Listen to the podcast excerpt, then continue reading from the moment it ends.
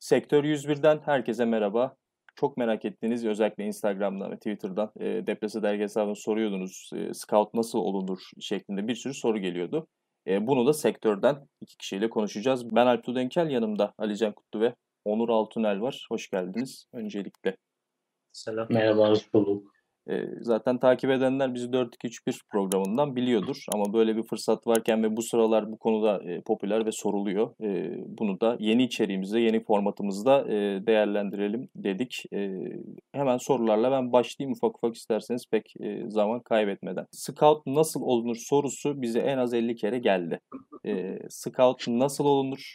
Bu soruyla başlayalım. 5 maddem var. 5 e, maddeyi teker teker e, cevaplayarak gidebiliriz. Onur senle başlayalım. Scout yani şöyle e, Scout nasıl olunur sorusu bize 50 kere geldi en az dediğim Deplase dergiye. E, genel evet. bir spor evet. dergisine geldi. Evet. Düşün bize bize ne kadar geliyor olabilir. Evet. evet. Öyle bir matematikten e, her gün geliyor bu soru. E, soru cevap yapalım dedin. İlk soru bu mudur? Scout nasıl oldu? Bir evet. bir böyle mi gideceğiz? Ee, şöyle yapalım hani eklemek istediğiniz e, noktalar vardır. Birlikte bir e, konuşma sağlayayım. Yani sıralı şeklinde değil tabii ki ama genel tamam. gelen kabaca Soruyu geliyor ya o soru. Scout nasıl olunur e, şeklinde bir soru var. E, bunu tamam. devamında birkaç madde daha var. Onları da teker teker cevaplayabilirsek. Ben yüzeysel bir başlayayım. E, Ali Can belki de detaylan. Maç analizi. Detaylandırır. Şöyle yani scout nasıl olunur? Bunun e, aslında her şeyde olduğu gibi bunun bir eğitimi vardır. E, gerekli belgeleri, diplomaları vesaireleri alırsın ve ondan sonra e, elindeki ben buyum diyebileceğin diplomayla, sertifikayla, belgeyle e, iş başvurularını yaparsın ve aslında bulabilirsen iş artık bir scoutsundur. Bu işin normal tarafı. E, yani interneti açıp Google'dan scout nasıl olunur İngilizce arattığında sana çıkacak olan şey bu. Ama tabii ki e, kulüplerdeki ya da menajerlik firmalarındaki ya da bireysel çalışan scoutlar hepsi böyle midir? E, o ayrı bir konu. E, bana sorarsanız scout nasıl? Ben bir kulüp başkanı olsam scouting departmanına e, kimi alırım ve ona scout derim. Benim nazarımda başka bu. Yani scout çok maç izlersin. Yıllar geçer. Oyuncu havuzunu çok genişletirsin. Hı. Maç izlerken oyuncu bazlı ayrı e, maç bazlı, oyun bazlı ayrı izlersin. Belli bir coğrafyan olur e, ve oradaki oyuncuları analiz eder, havuzunu genişletir, genişletir, genişletirsin. Ve bu süreçte e, spor sektöründen özellikle teknik konularda yönetici, teknik direktör, analist bunlarla yaptığın sohbetlerde sen analizlerini değerlendirirsin. Yani onlar değerlendirir ve e, onlardan aldığın geri dönüşte kendini geliştirirsin. Nereleri doğru analiz ediyorum, nereleri e, eksik analiz ediyorum.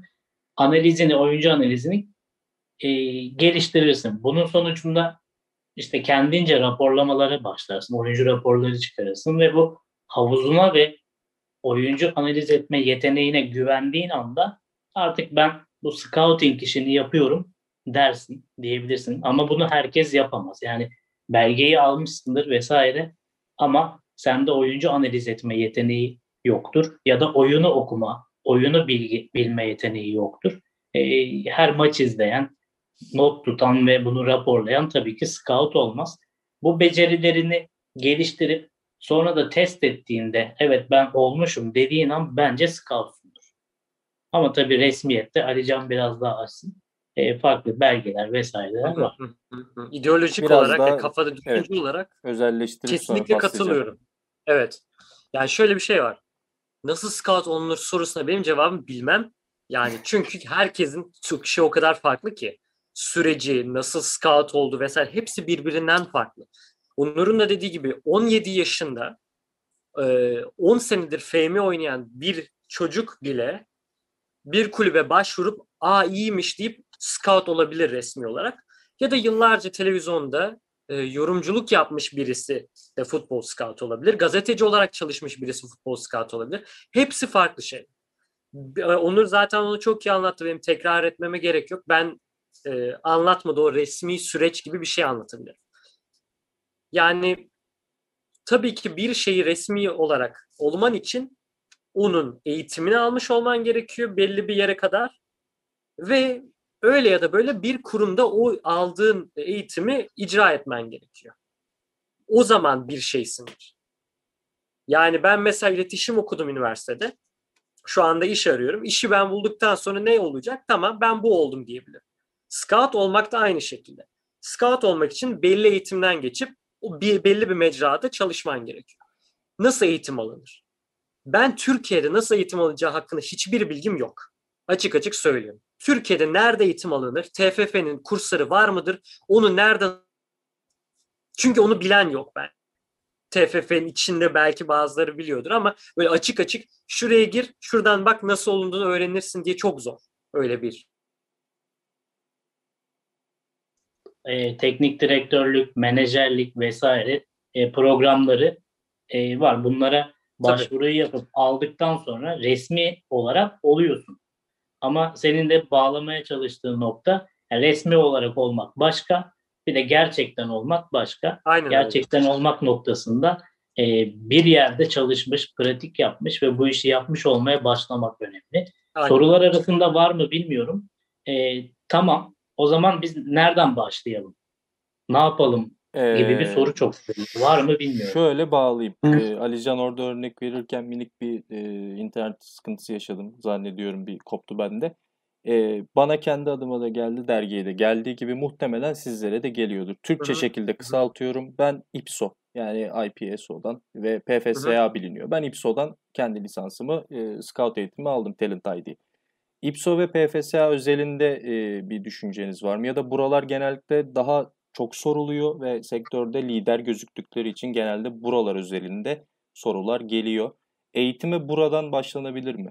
Şu anki ortamda online olarak belli bir e, seviyeye kadar, level 2'ye kadar online eğitim var ve devamında e, onun da ufak bilgisini verecektik e, kapanışta ama şimdi vermiş olayım. E, level 2'den sonra da fiziksel şekilde yani oraya gidip e, bir aylık eğitimleri aldıktan sonra bir staj ortamı da sağlanıyor ama level 2'ye kadar da online olarak ve e, belli bir düzeyde de yeterlilik den- denilebilecek seviyeye kadar online olarak alınabiliyor. E, onu da sormuş olayım size. Ya şimdi o konu hakkında bence iki tane nokta var. Yani level 2'ye kadar hatta level 3'e kadar zaten parayı verip kursu olduktan sonra sana diplomayı veriyorlar. Herhangi bir böyle e, federasyondan ya da daha geçerli bir kurumdan e, gir, kuruma girdiğin bir sınavın yok orada. Yani o para varsa sende, o imkanın varsa o parayı yatırıp okuyup çalışıp gerçekten onu alabilirsin. Ama Onur'un da dediği gibi hani o diplomayı aldıktan sonra ben scoutum demem mümkün değil. Dediğim gibi onu bir şekilde icra etmen gerekiyor. Ama bir eğitim alman istiyorsan ve gerçekten hani geçerli, dünyada geçerli olan hani en azından aa bak bende bu var diye gösterebileceğin bir şey istiyorsan bu iki dediğin kurumdan alabilecek bir belge, belge iyi bir başlangıç olabilir. Ama benim şöyle bir düşüncem var. Şahsen bunu yapmak zorunda değil kimse. Eğer bir futbol izlemeyi seviyorsa, kendisini geliştirmeyi seviyorsa bir insan kitapları alıp okuyabilir. İnternetten belli imkanlara sahip olabilir. Zaten internet çok geniş. Futbolu öyle öğrenebilir ve Onur'un da dediği gibi hani e, oyuncu nasıl analiz edilir orada öğrenir. Bol bol oyuncu izler not alır. Hani bizim çocukluktan gelen şeylerimiz de vardır hep. Aa bak bu iyi oynuyor, bu kötü oynuyor diye. Sadece oyuncuyu aklımızda tutmak bile aslında hani herkesin yaptığı teknik olarak bir scouting. İzlersin aa bu adam ne güzel gol atıyor desen bile teknik olarak hani oyunu analiz etmiş olursun.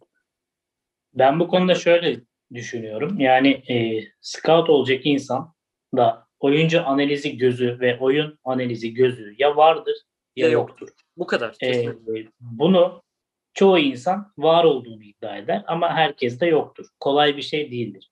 Ama var olan, var olduğunu düşünen ve gerçekten var olan bir genç e, bunu çeşitli şeyler okuyarak ya da çeşitli sertifika programları, diplomalar vesairelere katılarak e, nasıl yapacağını öğrenebilir. Yani analiz gözü vardır, oyunu biliyordur, oyuncuyu görebiliyordur.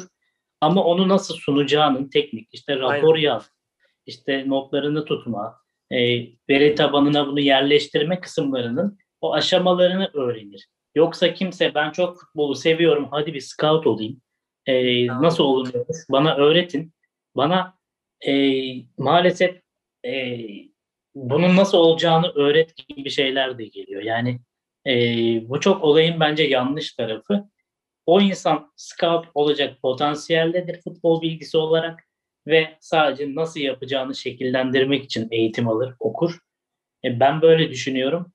Ama o aldığı belgeler, diplomalarla da bir şekilde harmanlaması lazım. Ya menajerlik firmasında çalışır, ya bir kulüpte çalışır, ya danışmanlık verir bir kulübe. E, o harmanlandığı zaman da scout olmuştur artık. Türkiye'de maalesef o söylediğiniz yerlerden belge alan, çünkü online, yani şurada izleyenler arasında çekiliş yapsak ve hadi sen de katıl bu programa. 5 kişi scout yapıyoruz falan.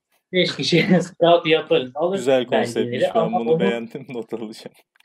Türkiye'de maalesef bunu yapan o belgeleri alan ve işte sosyal medya biyosuna şu şu şu şu şu scouting yazıp ama scouting ile alakalı hiçbir bilgisi, tecrübesi, yeteneği olmayan gençler var. Bu çok yanlış ben. Katılıyorum. Ee, o zaman şöyle nereden başlamalıyız sen sormuştun o da vardı. Peki bu arkadaşlara nasıl bir tavsiye verebilirsiniz? Ee, nereden başlamalılar? Bence Onur hemen çok kısa söyleyeceğim. Daha sonra istersen açıklayabilirsin. Scoutluk sadece dediğin gibi oyuncu izlemek değil.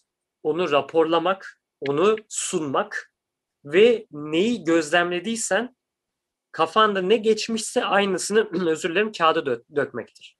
Kelimelere dökmektir ve sunmaktır. Çünkü scoutluk her ne kadar objektif gibi düşünülse de bir oyuncu iyidir kötüdür. Şöyle yapmıştır böyle yapmıştır diye düşünülse de sen onu belli bir kalıpta sunmalısın.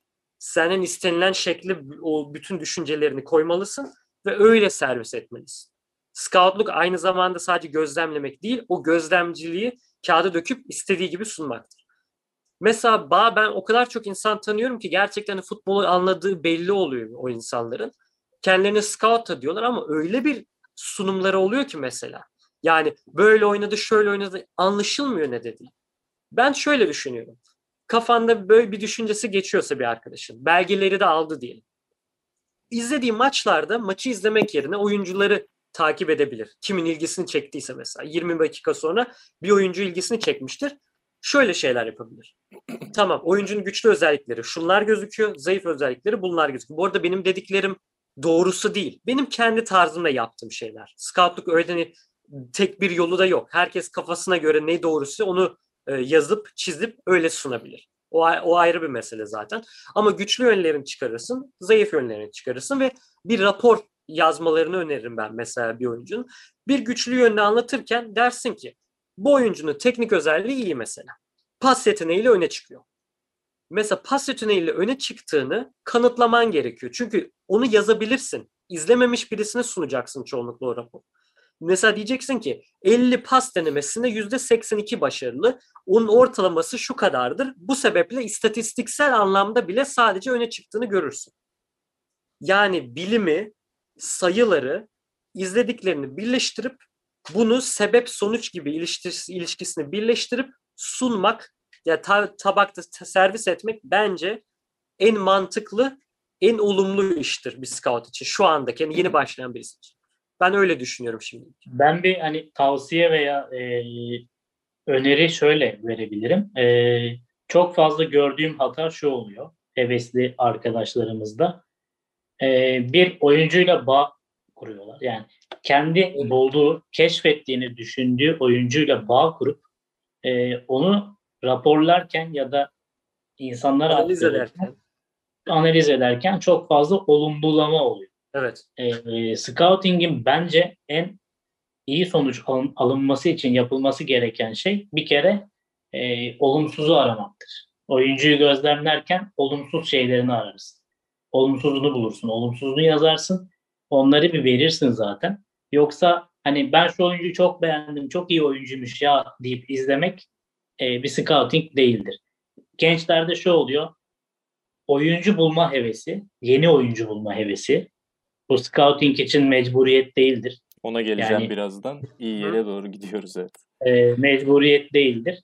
E, herkesin bildiği oyuncuyu da scoutingini yapman gerekir. E, o oyuncu hevesi, yeni oyuncu buldum hevesinden dolayı da o oyuncuyu insanlara sunma hevesi ve dolayısıyla da olumlulama oluyor.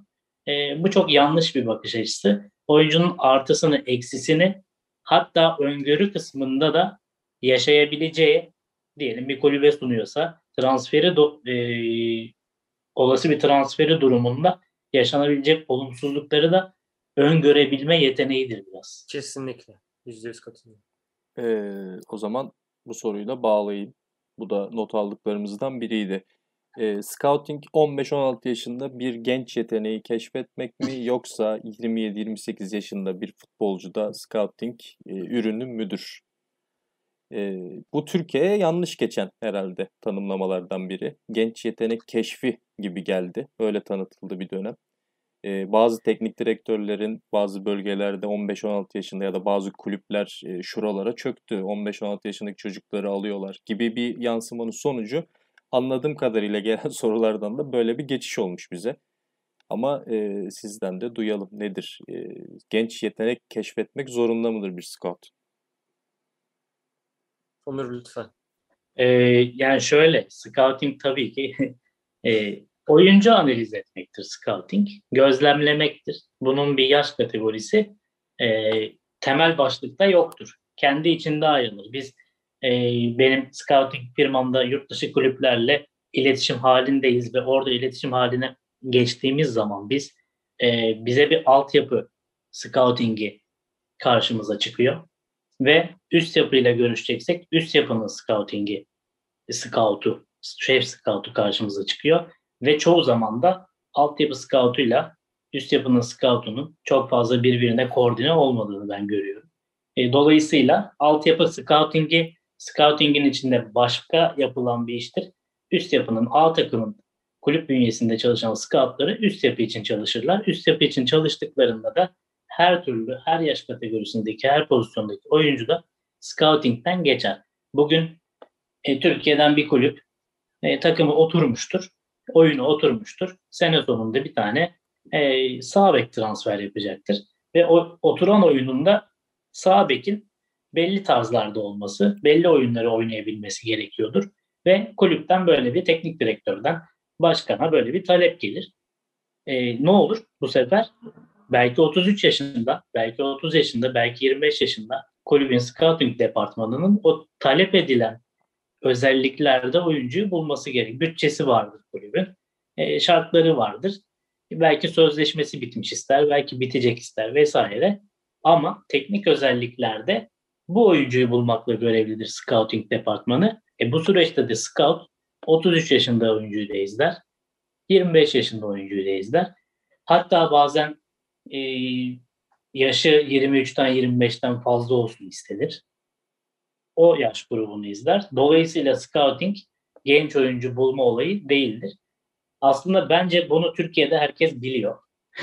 Biraz spor yazarlarının e, yanlış işte o başlık atmalarından dolayı yanlış bilenler var ama artık herkes öğrendi gibi ama deminki anlattığımız konuyla bağlantılı bence e, insanlarda genç oyuncu bulma hevesi var. O yüzden bu olayı sürekli öyleymiş gibi yaşamak istiyorlar.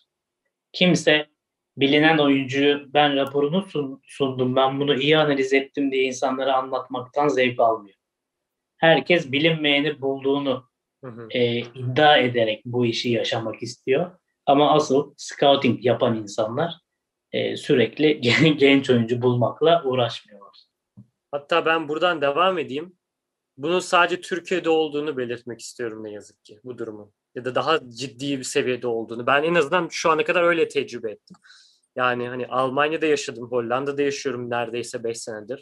Hani burada maçlara gittim, Avrupa'nın başka ülkelerine de maçlara gittim. Ee, takip ettiğim insanlar vesaire hiçbir şekilde ya bak ben bunu nasıl yaptım diye falan bir e, bir pazarlama e, hevesinde çok değiller açıkçası. Hele ki zaten hani oyuncu ilk ben buldum demek falan biraz sıkıntılı bir durum bile olabiliyor. Çünkü ben buldum diyorsun ama kulübe belki gitmemiş. O adamların, o scoutların yaşadığı sıkıntılar daha fazla da olabilir ama ben şunu diyeceğim. Scout transferi diye bir transfer yok. Dünyada öyle bir kalıp yok. Scout transferi. Yani yok. Scoutlar oturup ya ben maç izleyeyim. Sonra aa işte teknik direktörümüz bak böyle bir adam var abi kesin almalıyız diye durup dururken öyle kolay kolay demez. bir yerden çoğunlukla bir görevlendirme gelir ona göre yapılır. Belki gözüne birisi çarparsa ekstradan hani aa bak şöyle bir oyuncu da gözüme çarptı. Hocam bak şöyle olur böyle olur deyip ekstradan hani yardımcı olabilir. Ama onun dışında Onur'un dediği tamamen doğru. Hatta ben şöyle bir ekleme yapmak istiyorum o 6 yaş kategorilerine ya da işte e, izlenilen oyuncunun yaşıyla alakalı. Ben önce e, scout eğitimi almadım. Ben Almanya'da yaşarken önce antrenörlük eğitimi aldım. Ben UEFA lisansına kadar gittim. Ve bize öğretilen şey aslında scoutlara verilen e, eğitimin bir tık daha üstüydü. Öyle anlaştım ben yani. Almanya Futbol Federasyonu'ndan verilen. Bize şöyle şeyler söyleniyordu. Bir oyuncuyu izlerken yani ya da çalıştırırken yaşına, psikolojik ve fiziksel özelliklerini anlamaya ihtiyacınız var diye söyleniyordu. 16 yaşındaki oyuncu izlerken onun fiziksel özelliklerini 30 yaşındaki oyuncuyu izle aynı 30 yaşındaki izlerken e, değerlendirmek doğru değil aynı şekilde. Yani bir 16 yaşındaki oyuncunun fiziksel özelliklerinin gelişeceğini, bunların böyle kalmayacağını ve o zaman 16 yaşındaki oyuncu ya da 18 yaşındaki oyuncunun fiziksel gücü zayıfsa bunu inanılmaz kötü bir şey olup olmadığını farklı değerlendirmelisin. Aynı pozisyon için mesela 28 yaşındaki bir oyuncu izliyorsa. Ya da atıyorum psikolojik anlamda 10 yıl altı, 18, 20 yaşındaki oyuncunun yaptığı hataları maç içerisindeki konsantrasyon hatalarının ciddiyetini 28, 30, 32 yaşındaki bir oyuncunun yaptığı hatalarla aynı seviyede görmek gerek görmememiz gerekiyor diye düşünüyorum. Öyle Tabii de ki. Yani öyle de söylendi. Böyle öğrendim ben açıkçası. Bu yüzden de çok kurumsal kulüplerde zaten scouting departmanı kendi içinde de branşlaşıyor. Yani altyapı scouting'ini oradan örnek verdim. E başına geçen adam 20 yıldır sadece işte e, mesela şöyle bizim Juventus'ta bir diyalogumuz var. Juventus'ta e, kategoriler var. Diyelim 2004-2007 arası doğumluların scout şefi başka. İşte 2007-2011 arası doğumluların dünya genelinde hı hı. şefi başka. Bu adam 20 yıldır, 10 yıldır sadece o kategoriyi izliyor. Ve o kategoriyi izlerken o, o çocukların neye bakacağını artık sadece teknik özelliklerine değil, aile yapısına, hayat görüşüne, Kesinlikle. ne kadar gelişebilecek, vücut yapısına vesaire bütün detaylarına hakim oluyor ki ona göre öngörü yapabilsin geleceğe dair. Yani sadece önüne açtığı maçı izleyip, o maçı izleyip bir raporlama değil scouting, altyapı içinde, üst yapı içinde. Ee, yani sorularımızı kabaca topladık. Bir de çok merak edilen şeylerden biri de e, çıplak gözle maç izlemekle televizyonda maç izlemek arasındaki farkı. E, açıkçası ben böyle şeyleri direkt olarak yazıyla ifade edebilen biri değilim. Ama hani buna da eklemek istediğimiz neler varsa kapanışta e, bunu da konuşalım. Çıplak gözle maç izlemek e, ne kadar gerekiyor diye bir soru gelmişti mesela. Yani televizyondan izlemekle arasındaki farkı e, nasıl ifade edebilirsiniz siz bilmiyorum ama sözü size bırakayım. Ne kadar değil de ya çok kısa söyleyeceğim Onur sen açıklarsın istersen. Ne kadar değil de tek fark şu. Kameramana bağlı değilsin. Sen istediğin gibi maçı izleyebilirsin. Bir scout olarak. Sen oraya bir oyuncu izlemeye gidiyorsan böyle gözünü dikersin oyuncuya ne yapıyor ne ediyor 90 dakika izlersin. Ben hatırlıyorum bir görevlendirme sebebiyle bir maçı gitmiştim. Sırf 90 dakika boyunca neredeyse bir oyuncu izledim nasıl koşuyor, nasıl hareket ediyor. Bu doğru yanlış tabii ki ayrı bir mesele ama hani bir oyuncuyu izlemek istersen tamamen onu takip edebilirsin. Bir takım nasıl oynuyor diye görmek istiyorsan bütün saha senin gözünün önünde. İşte bloklar arası geçişleri nasıl, oyuncuların da savunma geçişi çabuk mu, yavaş mı, kanatlardan mı geliyorlar, merkezden mi oyun kuruyorlar, dağılımlar nelerdir? Bütün bunları tamamen sen istediğin gibi izleyebilirsin. Çünkü maçı televizyondan izlerken kameraman sana ne gösterirse onu görürsün. Mesela top hücumda mı? Savunma oyuncuları ne kadar öne geldiğini ancak top kaybedildikten sonra savunma oyuncuların nerede olduğunu tahmin ederek anlayabilirsin. Bunu çıplak gözle izlerken tamamen görebilirsin. Benim düşüncem Yani soru ne kadar fark varsa ben şöyle cevap vereceğim. YouTube videosu izlemekle televizyondan maç izlemek arasında ne kadar fark varsa televizyondan maç izlemekle de çıplak gözle izlemek arasında o kadar fark var. Ciddi fark var. Şöyle e, çünkü ya analiz yaparken sadece oyuncu ne yapıyor ne ediyor değil. Hangi sistemde hangi tip oyuncularla nasıl performans veriyor, topsuz alanda ne yapıyor, arkadaşlarıyla ilişkisi nasıl, ısınmaya çıktığında e, e, kötü fizik hareketlerini yaparken ki disiplini nasıl, birçok şeye bakıyorsun. Sadece maç içindeki teknik özelliklerine değil. O yüzden çıplak gözle e, fırsat olduğun, olduğunca çıplak gözle izlemek lazım. Ben bu konuda iki örnek vereceğim kendi hayatımdan. Televizyonda izlediğim zaman çok fazla e, neden o seviyelerde olduğunu anlamadığım ama çıplak gözle izlediğimde ilki çok yani eski dönemler olduğu için gençken aydınlanma yaşadığım sonraki de bu işi yaparken e, evet yani bu adam bu dediğim çıplak gözle izleyince bu dediğim. Birincisi Hakan Şükür. E, yani benim gençliğimde Galatasaray tabii ki istatistikler başarılar vesaireler çok fazla. Ama vardı yani ne yapıyor bu adam? Yani şeyi olayı ne? Ben çıplak gözle izlediğim ilk maç dedim bu adam ne böyle? Hani çünkü çeşitli detaylar görüyorsun. Rakip oyuna başlıyor. 3 adımda sağ tarafa, 5 adımda oradan bu tarafa yaptığı baskı alanı nasıl daralttı. Bütün teknik detaylar o genç yaşında o zaman teknik olarak aydınlanmaya başlamıştım çıplak gözle maç. Diğeri de e, Maxwell, sol bek. E, onu da çok anlamazdım ama ya benim izlediğim, çıplak gözle izlediğim e, en iyi sol beklerden biri sanırım Maxwell. O ikisinde işte çıplak gözle izlemenin, o teknik detayları, e, kamerada göremediğin şeyleri çıplak gözle görebilmenin e, olayı. E, bu konuda da maalesef şey var. Yani insanlar çok fazla görüntü izleyip e, çok oyuncu tanıyorum ve çok şey biliyorum. E, ben scoutum yanılgısına düşüyorlar. E, mümkün olduğunca bu işe ciddi yaklaşmak isteyenler mümkün olduğunca bulunduğu bölgelerdeki Maçları. maçlara gitsinler, çıplak gözle izlesinler, not tutsunlar. Ondan sonra belirli bir süreç sonunda oyuncuları tanıdıklarını düşünsünler. Ben de o oyunculara bir iki tane ekleyeyim mi? Buyur. 2016'da o kız Avrupa Şampiyonası'na gitmiştim ben de. Almanya'da düzenlenmişti. Şanslıydım. Bütün maç, gidebildiğim neredeyse her maça gittim.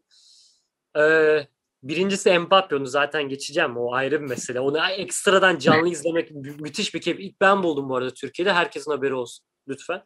Mbappe ben buldum. Neyse. Şaka bir yana. İkincisi de Benjamin Henriks. Ee, o inanılmaz kötü bir Almanya kadrosu vardı orada. Ve o kadar kötü bir kadroydu ki Henriks'i merkeze koymuşlar. Yanında da Suat Serdar vardı bu arada. O da çok başarılıydı. Ya Benjamin Hendricks denilen oyuncu her şekilde herkesi dağıttı. Yani hem hücuma verdiği katkıyla, tekniğiyle, de, savunmaya verdiği katkıyla yani bu adamın kariyerinin sağ beke evrilmesi inanılmaz üzdü beni ama dediğin gibi hani bazı oyuncuları hani televizyonda izlersin skora ka, e, tabelaya verdiği katkılar vardır vesaire ama çıplak gözle izleyince bu adam kim bile deyip aslında çok farklı bir şekilde öne de çıkabilir. Mesela Hendrix benim için öyle bir oyuncu. Ben de bir ekleme yapayım. Sanırım oradan bitireceğiz.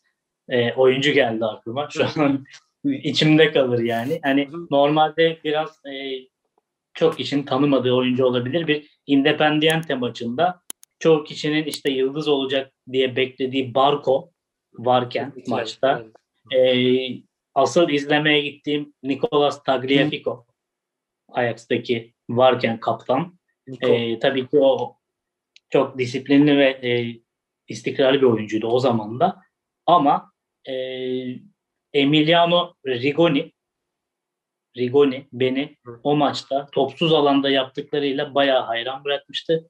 Çok şey bekliyordum. Biraz yanlış tercihleri, transfer tercihleri oldu.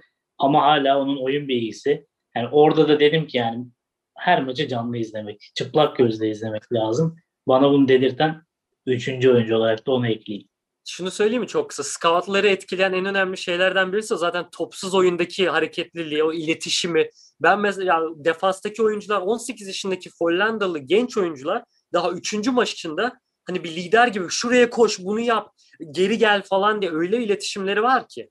O yüzden hani Türk futbolcuların, genç futbolcuların neden olamayacağını ya da olmadığını konuşabiliyoruz. Çünkü öyle bir baskı hissediyorlar, öyle bir geri çekiliyorlar ki. Ben mesela Perşurus'u ilk yani 3. 4. maçında izlemiştim ikincilikte. Çocuk gerçekten kaptanlık pası bandını zaten o zaman takmıştı. Hani şu anda Ajax'ta oynuyor. Hani böyle bir lider yok. Alıyor topu çıkıyor, pas veriyor. Yani inanılmaz, inanılmaz. Alp biz bunu her hafta yapalım. Biz böyle ne kim izledik ne izledik konuşalım öyle hızlı. E, liderlikle ilgili Instagram'da yaptığımız canlı yayında da o da e, komik bir an olmuştu. Onur abi, Onur Turul e, buradan da selam söylemiş olalım. E, Van Dijk'ı çıplak gözle izleyince şey demişti. Yani hayatta Matip yerinde olmak istemem. Yani herkes olur ama Matip'in yerinde asla olmak istemem. Yani maçı bırakır giderim o kadar baskıya dayanamayıp demişti.